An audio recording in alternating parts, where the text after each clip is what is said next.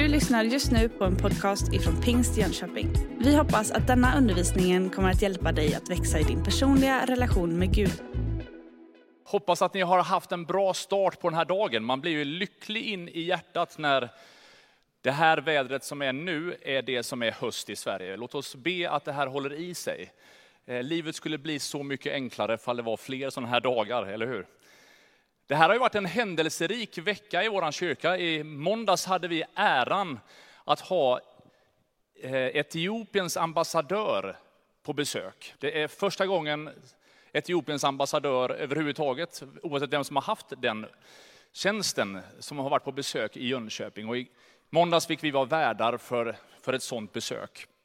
Med ambitionen att samtala om hur kan vi vara med och hjälpa dem att få uppleva mer fred och försoning i sitt land. Och efter intensiva samtal, innehållsrika samtal, så får man sådär varm i hjärtat när man fick säga hej då på kvällskvisten. Att, tänk att vi som kyrka kan få vara med. Att inte bara göra Jönköping till en bättre plats, utan få påtagligt vara med och skapa fred på jorden.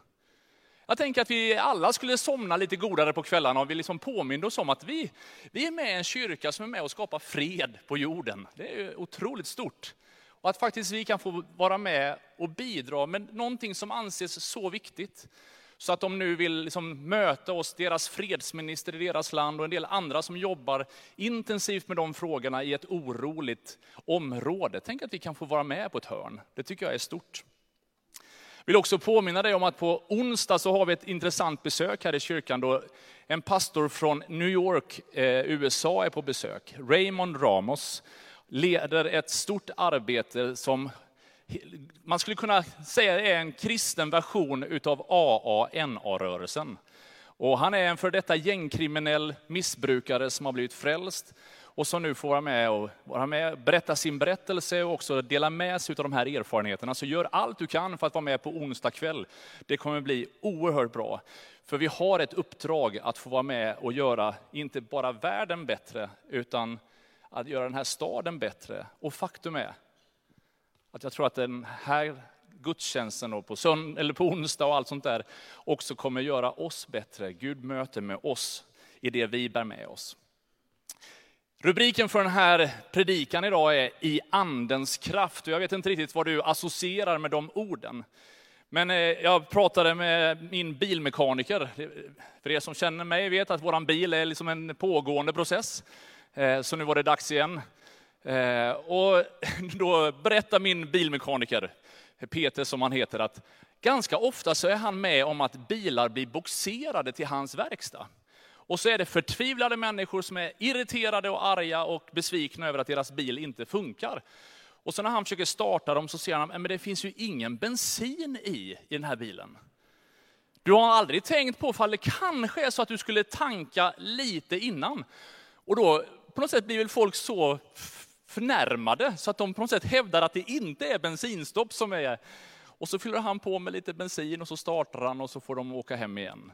Eh, och då Ibland så tänker jag att det kristna livet utan andens kraft blir väldigt torftigt. Och ganska många gånger så lyckas vi på något sätt ändå hantera livet skapligt. Men vi har tillgång till så mycket, mycket, mycket mer. Tänk om vi skulle kunna få fylla på i vår bränsletank den här dagen. Det är min bön för den här söndagen ska alldeles strax läsa i Apostlagärningarna kapitel 4, så har du din bibel med dig så följ med. Så ska vi alldeles strax dimpa in där i den 23 versen. Men du vet, pingstdagen hade kommit. Apostlarna hade blivit fyllda av anden tillsammans med de andra, 120 ungefär på den övre salen. De går ut och frimodigt förkunnar Guds ord på pingstdagen där och 3000 kommer till tro. Sån enorm expansion av Guds rike. Det går någon dag och så är Petrus och Johannes på väg till templet och så är det en lam man där som eh, ropar, hjälp mig, jag behöver liksom hjälp. Kan ni ge mig pengar? Och de bara, men guld och silver har vi inte, men det vi har det ger vi dig. I Jesu Kristi namn, res dig upp och gå. Och så den här lame mannen bara, tjoff, får styrka i sina ben och bara dansar in och bara sjunger och jublar och liksom bara är helt euforisk över sitt helande in i templet. Så alla bara undrar, men vänta nu, är inte det han som har varit lam här hur länge som helst? Hur kan han helt plötsligt gå? Och så får Petrus och Johannes berätta att det inte är vi som är några magiker, utan det är ju att Jesus Kristus har dött och uppstått, han lever och att anden bor i oss. Och nu är det här en proklamation om att Gud faktiskt kan göra någonting i våra liv. Och alla blir superglada, utom en religiös elit. Det stora rådet som drar Petrus och Johannes inför rätta, håller dem fängslade och förhör dem och förbjuder dem att tala i Guds namn. Nämn inte det namnet mera, vi släpper er, men ni får inte prata om Jesus mer. Det är, liksom, det är där någonstans vi hamnar när vi kommer in i Apostlagärningarna 4. Ska vi resa oss upp och så läser vi tillsammans. Apostlagärningarna kapitel 4, vers 23. När de blivit frisläppta gick de till sina egna och berättade allt vad översteprästerna och de äldste hade sagt till dem. När de hörde det ropade de tillsammans till Gud och bad. Herre, du som har gjort himmel och jord och hav och allt som finns i dem. Du har genom den helige ande talat genom vår fader David, din tjänare. Varför rasar hedna folken? Varför tänker folken tomma tankar? Jordens kungar reser sig och furstarna gaddar ihop sig mot Herren och hans mode. Ja, de gaddade verkligen ihop sig i denna stad mot din heliga tjänare Jesus som du har smort. Herodes och Pontus Pilatus gick samman med hedningarna och Israels stammar för att utföra det som du med din hand och ditt beslut hade förutbestämt. Och nu, Herre, se hur de hotar oss. Hjälp dina tjänare att frimodigt förkunna ditt ord, genom att du räcker ut din hand och låter helande, tecken och under ske genom din helige tjänare Jesu namn. När de hade bett skakades platsen när de var samlade, och de uppfylldes alla av den helige ande och förkunnade Guds ord med frimodighet. Låt oss be tillsammans. Herre, jag tackar dig för förmånen att få fira gudstjänst. Mitt i den klarblå blå, blå himlen och den strålande solen, denna underbara liksom höstdag, så får vi fira gudstjänst och påminna oss om vem du är och vad du vill säga till oss. Och nu bara ber jag dig att du skulle välsigna varenda kvinna, varje man som är i det här rummet eller som lyssnar på närradion eller på andra sätt Gud. Herre, jag bara ber att du skulle personligt tala till oss och göra ditt verk i oss. Vi längtar efter mer utav dig. Vi behöver mer utav dig. Herre, väck det till liv i oss. Och så ber jag dig särskilt för de som är i det här rummet, som just den här veckan har varit med om struliga saker. Där det känns som att man har fullständigt tappat kraften. Herre, jag ber att du skulle utgjuta din ande på ett särskilt sätt över dem. Fylla på, upprätta, läk. Gör det som du är bäst på. I Jesu namn. Amen. Varsågod och slå dig ner en liten stund. I den här bibeltexten så lär vi oss ganska många helt enkla sanningar. Men jag tror att vi gång på gång behöver påminna oss om det. När Petrus och Johannes där har blivit liksom tillfångatagna, frihetsberövade under ett dygn, frisläppta med en strikt varning. Deras omedelbara respons är att när de har blivit frisläppta så gick de till sina egna och berättade allt. Vi lever i en tillvaro där vi är väldigt självständiga. Vi hyllar individualismen och vårt oberoende utav allt och andra. Lars Trägård som är en känd forskare som har forskat på svenskens kultur och varför vi beter oss som vi gör. Om du inte har sett den gamla dokumentären om the Swedish theory of love, så får du väl söka på Youtube när du kommer hem. Men han menar på att någonstans runt 60-talet så gjorde vi politiskt olika beslut som skulle göra oss oberoende av vad alla andra gör. Jag ska inte behöva leva på någon annans inkomst, jag ska inte behöva som gammal förlita mig på att mina barn tar hand om mig. Jag ska vara självständig, oberoende, individualist. Problemet i det är att jag i livets svårigheter ofta blir väldigt, väldigt ensam. Det är ett märkligt fenomen att när jag egentligen skulle behöva så mycket uppmuntran som det bara går, hjälp att bära olika saker, så drar jag mig ofta undan. Kanske inte du. Men det verkar som att vi ibland, när livet blir riktigt svårt, på något sätt ibland till och med bär skammen över vår utsatthet. Och därför så känns det inte som att vi vill exponera det för några andra. Men här visar liksom apostlarna på ett annat sätt. Att liksom praktisera det som Paulus skriver i första Korinthierbrevet om att vara en kropp, eller det Paulus skriver i Galaterbrevet om att bära varandras bördor, så uppfyller ni Kristi lag. Att när, när livet blir klurigt, då lutar vi oss inåt. Vi strävar efter att vara närmare varann. Jag går till mina egna och jag berättar allt. Och när jag läst den här bibeltexten så har jag funderat, vart går du? Till vem går du och berättar allt? Jag vet inte ifall du har din mobiltelefon med dig. Den är ju avstängd nu när det är gudstjänst, så det kanske är svårt att plocka fram den så här snabbt. Men eh, om jag skulle titta i, bland dina bilder de senaste två månaderna, alla bilder du har tagit. Vad skulle de där bilderna på något sätt säga om dig? Ganska många saker är jag tacksam för att det inte det finns på bild, att det inte finns på ljud. Och någonstans är det ibland klurigt att någonstans leva det där livet som är helt transparent. Men om det inte finns en plats dit jag kan gå, om det inte finns människor som jag kan vända mig till när livet blir oerhört problematiskt, då verkar det som att jag förlorar ännu mer. De gick till sina egna, de berättade allt. Har liksom bett ut för den här bönen för oss som kyrka. Att det skulle vara självklart för oss att tillhöra en smågrupp, att vara med på bönemöten så ofta man kan, fira gudstjänst så ofta man kan, för att på det sättet vara tillsammans och bära varann inför Gud. Jag tycker det är helt fantastiskt. Jag fick ett ganska tufft besked eh, i torsdags, en familjesituation i storfamiljen som så här, tog ner liksom glädjen lite grann och någonstans den här, Gud nu får du gripa in i den här situationen, känsla. Och så var det så skönt att få vara med på torsdagskvällens bönemöte. Inte berätta allt, men åtminstone berätta lite och så känner man att flera sluter upp i förbön kring den här situationen. Och jag känner bara, vad skönt att jag inte behöver bära detta själv. Utan jag kan få hjälp att bli buren av Gud och av andra genom den här situationen. Låt dig inte luras av det här självständiga, oberoendet, individualistiska perspektivet. Dra inte det så långt att du blir ensam. Det kristna livet är tänkt att levas i gemenskap med alla de troende.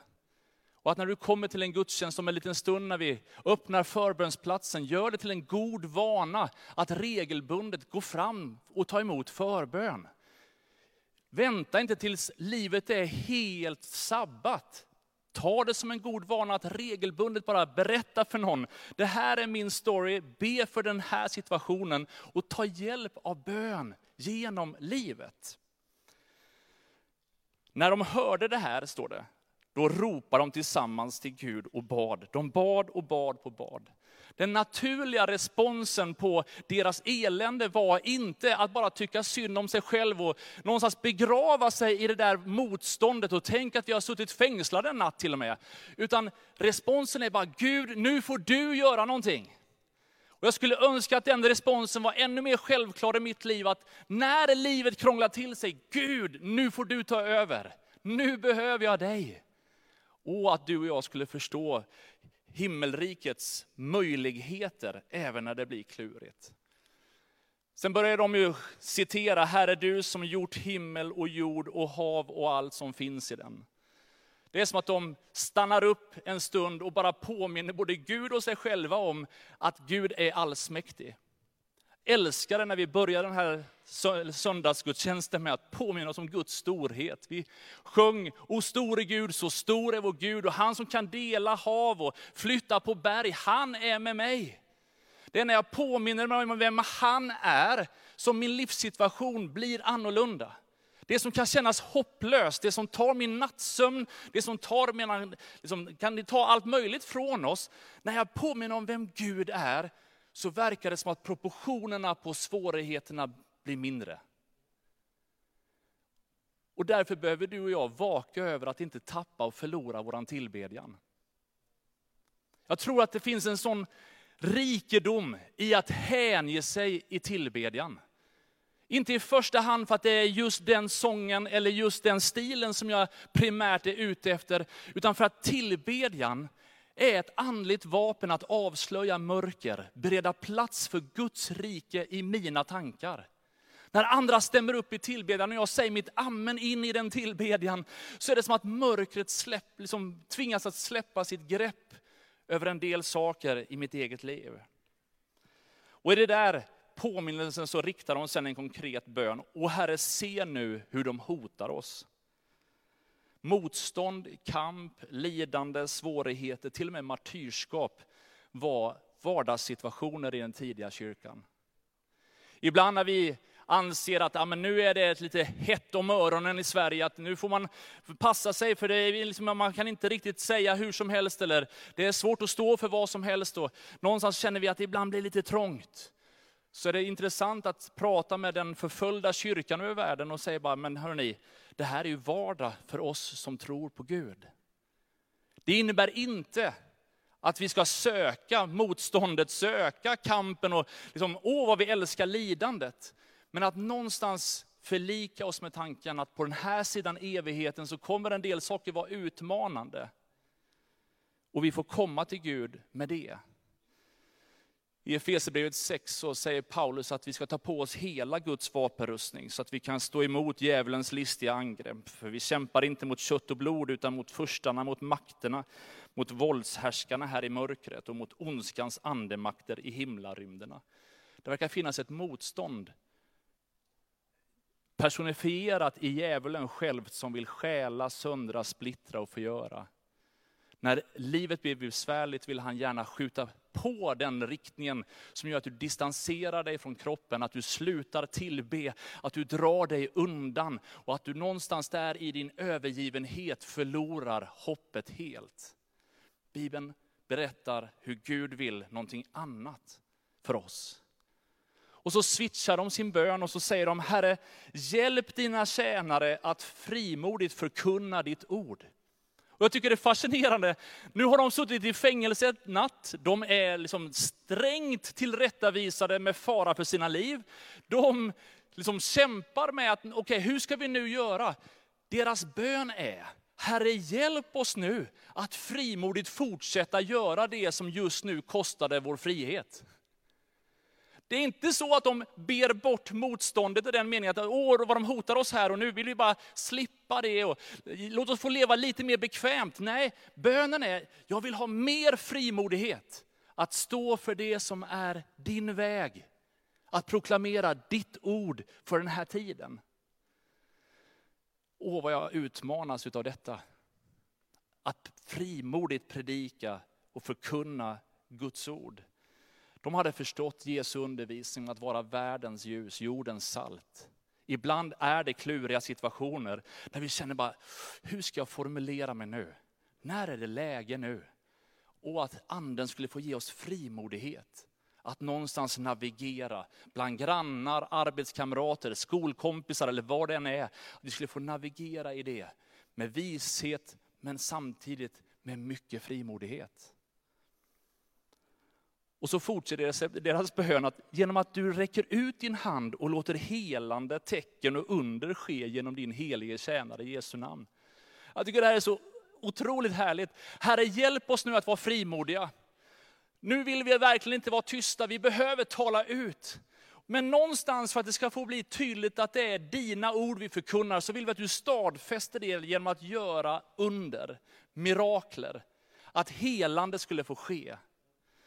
Och jag bara känner en sån längtan att det som apostlarna beskriver som ett normalläge skulle få vara det för våran kyrka. Vad underbart det skulle vara ifall det fick vara, prägla oss ännu mer. Att inte bara det är så att Gud möter oss personligt, bekräftar för oss hur vi är älskade, att han har en plan, en tanke för våra liv, att han förlåter oss våra synder och ger oss en framtid och ett hopp. Utan att han också ger så mycket av sig själv så att det får flöda över till människor runt omkring oss. Och de som tycker att det här bara är nej, nej, nej, nej, nej, skulle någonstans väckas i sin förundran när de får se Guds mirakler ske. Vi skulle ut på en liten utflykt häromdagen och vår yngsta sjuåring hemma, helt abrupt liksom i tystnaden i bilen som mirak mirakulöst nog hände. Ibland är det inte så ofta som det är tyst i bilen. Då säger han bara så här, ja, mina kompisar, eller det finns människor i min klass som säger att Jesus inte finns. Jaha, så man bara säger, ja, nu då? Nej, de har fel. Och man bara, ja, okej, okay. hur tänkte du nu? Ja, de säger att Jesus kan inte gå på vatten. Men de har fel. För han kan ju allt. Och jag bara kände där, mitt bland alla så här vardagsbestyr, en sjuårings fantastiska proklamation. Och började han sjunga på den här sången som vi sjöng här i början. Att liksom, Gud kan flytta berg och dela hav och allt sånt där. Och jag tror att vi behöver lite grann den där frimodigheten. Inte i någon slags översittande attityd, bara du har fel, förstå mig rätt nu. Men ändå en frimodighet att Gud, du kan ju allt. Varsågod, visa det nu. Jag är tacksam för varenda läkare, varenda sjuksköterska, varenda forskare som jobbar för vaccin och allt möjligt. Det är underbart att vi har så många intelligenta människor som har fått välsignade liv av Gud och förmåga att forska och hitta vägar för ett bättre liv för alla. Samtidigt så längtar jag efter att Gud skulle få visa att där läkarna ännu inte har hittat botemedel kan han gripa in. Och de där sakerna i livet som inte alls har med fysisk hälsa att göra, utan är mer i psyket och är mer i existentiell mening, det finns där i Guds händer. Han kan. Åh, vad jag skulle önska att den frimodigheten och att det skulle få hända. Och att Gud skulle få sträcka ut sin hand, bota sjuka i våran kyrka och genom oss som kyrka. När de hade bett den här bönen så skakades platsen när de var samlade och de uppfylldes alla av den helige ande och förkunnade Guds ord med frimodighet. Och här märker vi vad som händer i andens kraft. Det verkar som att anden har en förmåga att någonstans fånga all den där oron vi känner. Bara, Gud, nu ser du det här motståndet. Du ser de här faktiska konsekvenserna utav det liv vi tror vi är tänkta att leva. Det verkar vara krångligt här. Men Herre, nu ber vi att du skulle rusta oss. Gör ditt under. Och så kommer Gud med sin helige ande så att alla går därifrån med en frimodighet att fortsätta. Ibland krävs det inte så mycket för att jag ska fullständigt förlora glädjen. Det händer ju aldrig dig, du har ett sånt där stabilt humör som alltid liksom ligger så här skönt på så lagom hög nivå hela tiden. Men när jag gör olika saker så räcker det ibland med att någon säger någonting litet vid fel tillfälle. Så är det som att den där lilla kommentaren eller den där lilla händelsen drar med mig i någon slags sinnesstämning. Som gör att man tänker bara, nej nu kan jag aldrig mer göra det här, eller nu är det kört med det här. Anden kan komma in i de situationerna och påminna oss om någonting större, någonting mera, någonting högre. Och därför så ber Paulus bönen i Efesierbrevet 1 om ett nytt perspektiv. Jag ber att era hjärtans ögon ska få ljus, så att ni förstår vilket hopp han har kallat er till. Hur rikt och härligt hans arv är bland de heliga och hur oerhört stor hans makt är i oss som tror. Därför att hans väldiga kraft har varit verksam. Det verkar som att de heliga i Efesos, någonstans längs med livets gång, hade börjat förlora blicken på hur stor Gud är. Vem, vilka möjligheter som Gud har. Det verkar som om vi genom hela den kristna historien, i de passager då vi tycker att det är lite stiltje, ganska lätt förlorar blicken på honom. Och försöker hitta lite genvägar eller egna konstruktioner.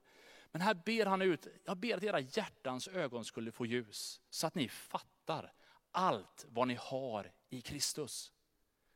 Och jag tänker, en bön jag har bett för den här söndagen, det är att vi som församling, idag, här och nu, skulle få vara med om uppfyllelsen av det här, böne, det här, det här böneämnet. Att våra hjärtan skulle lysas upp. Så att anden får visa för oss allt det som är oss förborgat i himlen. Att allt det Gud har tänkt för oss, att vi skulle få sträcka oss efter det med frimodighet. Tänk vad som skulle kunna vara annorlunda i mitt liv, i ditt liv. Mina hjärtans ögon ska få ljus. Hela den här metaforen mörker och ljus handlar ju någonstans om hur nära Gud jag befinner mig. Kanske är det så att du är med i den här gudstjänsten som ännu inte har sagt från djupet av ditt hjärta, jag vill tro på Jesus, jag vill ta emot honom som min frälsare. Det innebär att någonstans det där ljuset som Bibeln har talat om, inte riktigt har nått in där i hjärteroten, men du längtar efter det. Om en liten stund kommer jag ge dig en möjlighet att få bara enkelt bekänna din längtan. Jag behöver himmelens ljus i mitt, i mitt inre. Så vill vi gärna be för dig. Men det verkar som att vi alla behöver en kontinuerlig påminnelse om att någonstans hela tiden söka ett nytt perspektiv, mer utav han och vad han har för oss. Så att jag förstår vilket hopp han har kallat oss till. Hur rikt på härlighet hans arv är. Hur oerhört stor hans makt är i oss. Allt det där verkar vi så lätt tappa blicken från. Vi behöver upplysas av anden hjälp att förstå allt det vi har i Gud. Och i Efesierbrevets början så säger Paulus så här att välsignad är vår Herre Jesu Kristi Gud och Far, som i Kristus har välsignat oss med all andlig välsignelse i himlen. Han har utvalt oss i honom före världens skapelse till att vara heliga och fläckfria inför honom. Amen. Tänk att Gud har gett oss möjligheten till att ta emot allt all den himmelska världens andliga välsignelse. Det är en hyfsat storslagen proklamation. Men det verkar som att mitt liv, i allt det som av nåd är mig givet, så verkar jag ha svårt att greppa det. Så det är som att jag kör min bil bara på ettans växel. Jag vågar inte byta och växla upp. Det finns mer av Gud att få. Han är större än vad du och jag fattar. Och om vi kunde förstå lite mer i alla fall, av hur mycket han älskar oss. Och vad som är möjligt för oss att få vara med om och leva i, en närvaro av honom som är självklar.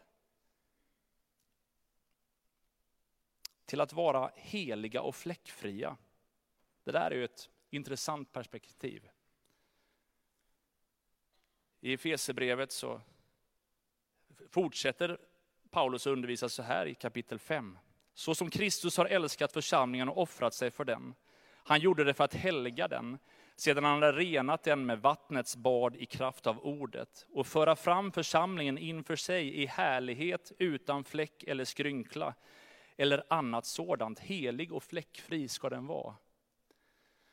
Och helhetslängtan, renhetslängtan här, är inte någon slags andlig elitism av att jag är lite andligare än du, jag är lite bättre kristen än du. Utan vi är alla hopplöst förlorade utan Kristi nåd. Men om vi lever med hans ljus in i våra liv, så innebär det också syndernas förlåtelse. Och den där renheten, den på något sätt skapar frimodigheten. Om jag blir kvar i mina synder, så kommer det hela tiden finnas någonting som har en liten hulling i mig och drar mig åt ett annat håll än det som jag egentligen borde. Därför så utmanar Efesierbrevet oss till att förstå vad han har kallat oss till, så att ljuset kan få träda in och där ljuset kliver in får mörkret fly.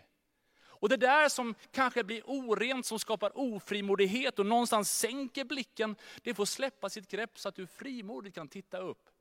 Och säga bara tack Jesus för att du älskar mig. Han som vet att vi alla är syndare och har gått miste om härligheten från Gud. Han möter upp oss, han vänder sitt ansikte till oss, ger oss av sin frid. Men om han vänder sitt ansikte till oss och vi väjer från hans blick, så kommer känslan av att vara kvar i våra synder fortfarande ligga som ett lock över oss. Har han verkligen förlåtit? Kan han verkligen vara med i den här situationen? Det är som att Guds allmakt ifrågasätts. För att jag någonstans inte får erfara honom så som han är.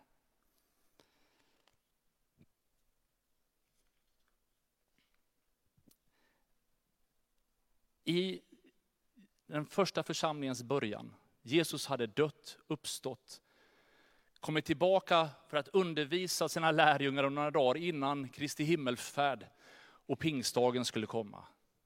Och i det där mellanrummet av tid så säger Jesus de här mäktiga orden, att jag ska sända över er vad min far har lovat i Lukas 24. Men ni ska stanna här i staden tills ni har blivit rustade med kraft från höjden. Det verkar finnas en påfyllningsstation som Gud förutsätter innan vi tar oss an allt det livsviktiga som vi har för oss. Det är därför jag skulle önska att vi lite oftare, helst skulle jag vilja att hela församlingen hade, att vi hade det som en daglig rutin, men som också manifesteras i våra gudstjänster. Att bara lägga kommande vecka i Guds händer och säga, Gud, du har varit med den här veckan, nu behöver jag din kraft i det här för den veckan som kommer. Och att någonstans bli kvar inför himmelens Gud tills du har blivit rustad med kraft. Du behöver inte gå till skolan imorgon med nedsänkt blick och oro. Du kan få komma med en annan frimodighet. Du behöver inte kliva in på arbetsplatsen och någonstans fortsätta vara i den där stridsbubblan som kanske var bland en del kollegor förra veckan. Utan Gud har kallat dig till att vara med och göra skillnad. Och du kan gå in med en annan frimodighet imorgon. Kanske är det så att någon skrev någonting ont om dig eller skickade något sms eller postade något på Instagram eller någonting som du inte gillar. Eller om så tidningar och tv skulle säga något så ber vi om frimodighet att göra rätt saker. Men innan vi på något sätt gör någonting så ser vi till att vi är rustade med andens kraft. Och om dessa ord skulle få ta sin fullbordan i oss. I andra Timoteusbrevet så säger Paulus, beskriver han den sista tiden. Det som på något sätt väntar hela världen och framförallt Guds folk i de sista dagarna. Genom hela historien så har Guds folk alltid ansett sig leva de där sista dagarna. Och det är som sig bör. Vi ska alltid ha blicken på, mot evigheten och någonstans förvänta oss att Herren kommer snart. Men där i den passagen i andra Timoteusbrevet 3 så står det så här att det kommer finnas människor som har sken av Guds fruktan, men som förnekar dess kraft. Som kan de kristna attributen. Jag kan sjunga sångerna, jag kan citera bibeltexterna, jag kan vara närvarande på allting som Guds folket gör, men inte ha någonting med kraften att göra. Det verkar vara möjligt att kunna spela andlig teater som alla andra tror, utan att egentligen personligt själv bära det. Och jag har känt en sån längtan i mitt liv. Gud, låt mig inte bara få vara en människa som talar om dig på något sätt som mitt jobb, för det är ju det som är, det är mitt jobb att predika. Men jag vill inte att det ska bli mitt jobb, jag vill att det ska vara mitt liv. Herre, hjälp mig att bevara det som är mitt liv och mitt lärjungaskap, trots att vissa saker också är mitt jobb. Att inte du övar bara med ditt lovsångsteam eller förbereder någonting för att vi ska göra det för andra, utan Gud, vaka över mitt hjärta. Se till att jag inte bara har sken av Guds fruktan, utan jag lever i hans kraft.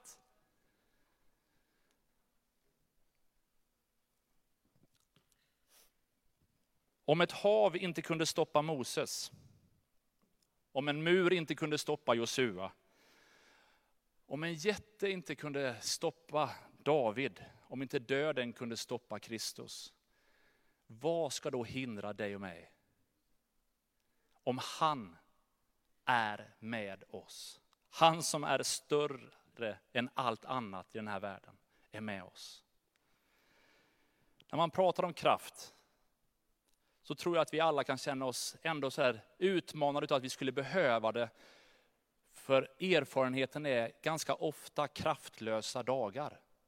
Maktlöshet eller känns som att knäna darrar. Jag skulle vilja avsluta min predikan medan lovsångsteamet kommer fram från Jesaja kapitel 35. Där står det så här. De ska få se Herrens härlighet, vår Guds majestät. Stärk kraftlösa händer, styrk vacklande knän. Säg till oroliga hjärtan, var starka, var inte rädda. Se er Gud är här. Om du tycker att livspusslet är lite för tajt. Kraftlösheten, du skulle önska att du kunde, men det känns som att orken inte riktigt finns där. Fullt mänskligt. Men himmelens hälsning är att det finns kraft i kraftlösheten.